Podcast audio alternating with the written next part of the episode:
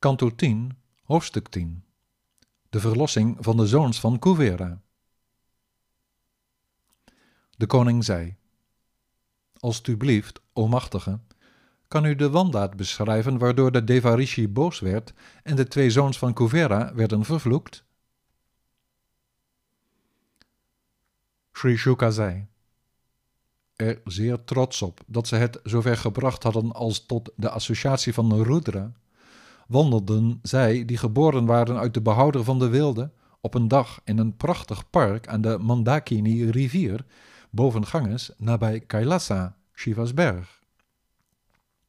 In die tuin vol bloemen lieten ze zich geheel verdwaasd met rollende ogen beschonken door het drinken van Varuni, door vrouwen liedjes toezingen. Omdat ze zich wilden vermaken, gingen ze in het gezelschap van de jonge meisjes de ganges in vol bedden lotusbloemen, als waren ze twee mannetjes olifanten met hun wijfjes. Het geval deed zich voor, o zoon van Kuru, dat Narada, de oppermachtige Devarishi, ze te zien kreeg en uit de verdwaasde ogen van de halfgoden kon opmaken in welke staat ze verkeerden. Toen hun aanhang, de meisjes, hem zag, waren ze beschaamd en bedekten ze uit angst te worden vervloekt snel hun naakte lichamen met hun kleding. Maar de twee bewakers van Kuvera's schatten, de Shiva Guyaka's, die ook naakt waren, deden dat niet. Met voor ogen het dronken stel, blind met hun prestige en wilde, sprak hij, om de twee zonen van het licht een lesje te leren, een vloek uit door het volgende te zeggen. Narada zei: Voor degene die in de modus van de hartstocht van de dingen van de wereld geniet, is er niets zo verstandsverbijsterend als de arrogantie van de wilde, een goede geboorte, een fraai lijf, scholing, rijkdom en dat alles, waarin men zich aangetrokken voelt tot vrouwen, wijn en gokken. In die positie dieren dodend, denken mensen zonder genade die zichzelf niet meer in de hand hebben, dat dit lichaam, dat gedoemd is te vergaan, niet zou verouderen en niet zou sterven. Het lichaam, hoezeer ook voor goddelijk gehouden, is er na de dood voor de wormen en verandert in uitwerpselen en as. Weet iemand met zo'n zelfzuchtige houding jegens andere levende wezens wel op wat voor een hel hij afstevend? Is dit lichaam het eigendom van degene die het voedsel verschaft, van jezelf, van je verwekker, van je moeder, of behoort het toe aan je schoonvader, aan het gezag van de staat, aan een koper, aan het vuur of zelfs aan de aaseters? De vraag is: wie zou al dus die kenner, die eigenaar nou eigenlijk zijn, die bij het lichaam hoort dat iedereen heeft en dat zich manifesteerde vanuit de ongemanifesteerde natuur, om vervolgens weer te verdwijnen? Wie anders dan een dwaas zou het lichaam voor het ware zelf houden en andere levende wezens doden? Voor dwazen, verblind door de trots op hun wilde, is armoede de beste ogenzalf. Een arm iemand is het best in staat om andere levende wezens te zien als gelijkwaardig aan zichzelf. Iemand die zich prikt aan een naald, wenst die pijn niet toe aan een andere, net zo belichaamde ziel, maar dat gaat niet op voor een persoon die zich nog nooit aan een naald heeft geprikt. Een arm man is vrij van alle eigenwaan die hoort bij de valsheid van het zelf.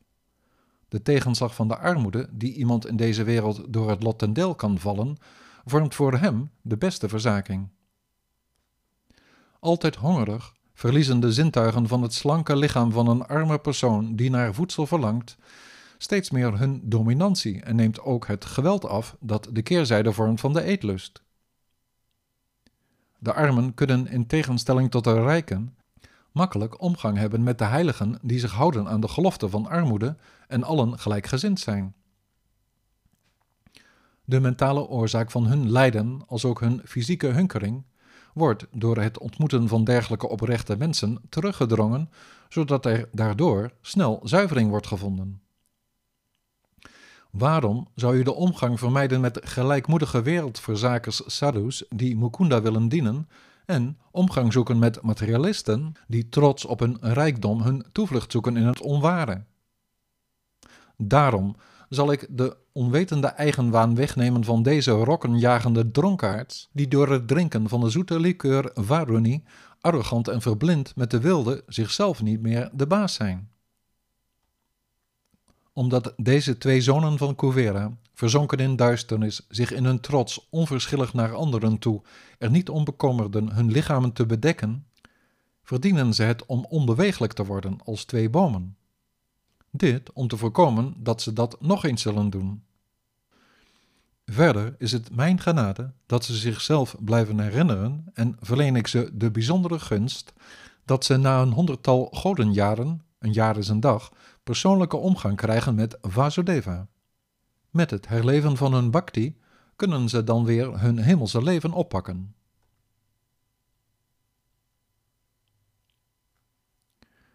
Sri Shuka zei. Nadat de Devarishi dat gezegd had, ging hij weg naar Narayana Ashrama, zijn verblijf, Nalakuvara en Manigriva achterlatend om in een stel Arjuna-bomen te veranderen.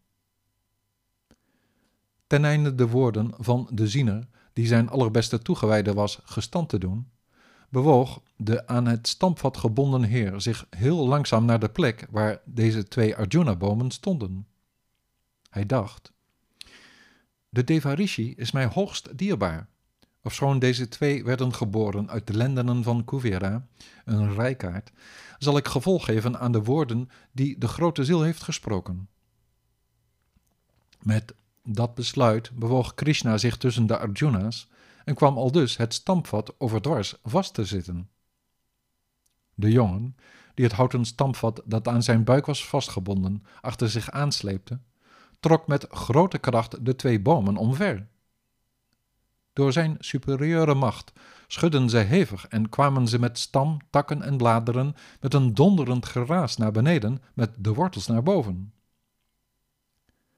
Ter plekke kwamen vanuit de twee bomen toen, schitterend prachtig, aan alle kanten stralend als een opvlammend vuur, twee personen tevoorschijn die Krishna met gebogen hoofd en gevouwen handen hun eerbetuigingen brachten. Tot de Heer van de ganse wereld zeiden ze, vrij van hartstocht en onwetendheid, het volgende. Krishna, o Krishna, o hoogste meester van de yoga. U bent de grondoorzaak, de oorspronkelijke persoon in het voorbije van deze wereld, van deze schepping van grofstoffelijke en subtiele materie, die de Brahmanen kennen als uw gedaante. U bent de ene voor alle levende wezens, u bent de meester van de levenskracht, van het lichaam, van de ziel en van de zinnen. U bent de tijd, de Allerhoogste Heer Vishnu, de onvergankelijke heerser. U, als de grootste, die zowel de kosmische schepping bent als het subtiele, u die bestaat uit de hartstocht, de goedheid en de traagheid, bent de oorspronkelijke persoonlijkheid, de supervisor en kenner van de rusteloze geest in alle levensbereiken. Wie, die zit opgesloten in een lichaam met een geest in beroering gebracht door de geaardheden van de natuur, is in staat om u te kennen. Wie nu is u waardig, u die reeds voor de schepping bestond, u die niet beperkt bent tot een lichaam en, nu overdekt door de geaardheden van de natuur, hier aanwezig bent? Daarom bieden wij u, Vasudeva, de Allerhoogste Persoonlijkheid, de oorsprong van de schepping, u, wiens licht wordt overdekt door het geheel van uw natuurlijke geaardheden, u, het Brahman, zowel de binnen- als de buitenkant, onze respectvolle eerbetuigingen. U, die onstoffelijk bent, maar wordt gekend in de verschillende verschijningsvormen van de avatara's, toont daarmee een onvergelijkelijke, onbegrensde macht in activiteiten die voor normaal belichaamde personen niet te volbrengen zijn. U, diezelfde goedheid en meester van alle zegeningen, bent nu verschenen voor de verlossing en verheffing van iedereen met al uw vermogens en expansies. Ons respect voor u, o hoogste deugd, o opperste goedgunstigheid.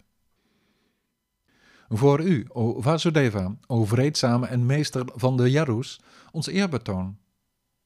O onbegrensde, hebben wij, de dienaren die u, o Allerhoogste, persoonlijk mochten ontmoeten door de genade van uw volgeling, de wijze Narada, nu uw toestemming om te vertrekken? Mogen onze woorden altijd uw avonturen betreffen. Mogen onze oren uw verhalen horen. Mogen onze ledematen voor u werken en mogen onze geesten zich steeds uw lotusvoeten herinneren. Mogen onze hoofden zich buigen voor U die alles doordringt en mogen onze ogen steeds de waarachtigen zien, de heiligen, de Vaishnava's, met name die Uw gedeeltelijke belichamingen zijn.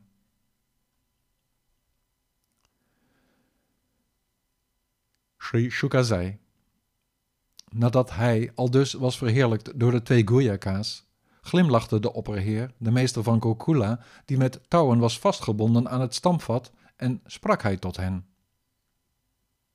De Allerhoogste Heer zei: Alles wat van dit voorval met de zo aardige Narada zich in het verleden voordeed, is mij bekend. Welk een grote gunst verleende hij u toen hij u vervloekte ten val te komen omdat u blind was in uw dwaasheid met de wilde? Zoals de ogen van een persoon die zich keert naar de zon vrij zijn van duisternis, raakt men eenvoudig bevrijd van al zijn gehechtheid door in het gezelschap van heilige zielen te verkeren die allen gelijkgezind zijn, door om te gaan met personen die zich aan mij hebben gewijd. Nu jullie, rieten van Cuvera, doordrongen zijn van de liefde voor mij, keer naar huis terug met mij als de hoogste bestemming, ik die het opperste vorm van uw verlangen, en van wie men nimmer meer terugkeert naar een werelds bestaan. Sri Shuka zei. Al dus, door hem toegesproken, omliepen de twee hem, die was vastgebonden aan het stampvat. Ze brachten herhaaldelijk hun eerbetuigingen, namen afscheid en vertrokken toen in de noordelijke richting waar Kailasa ligt.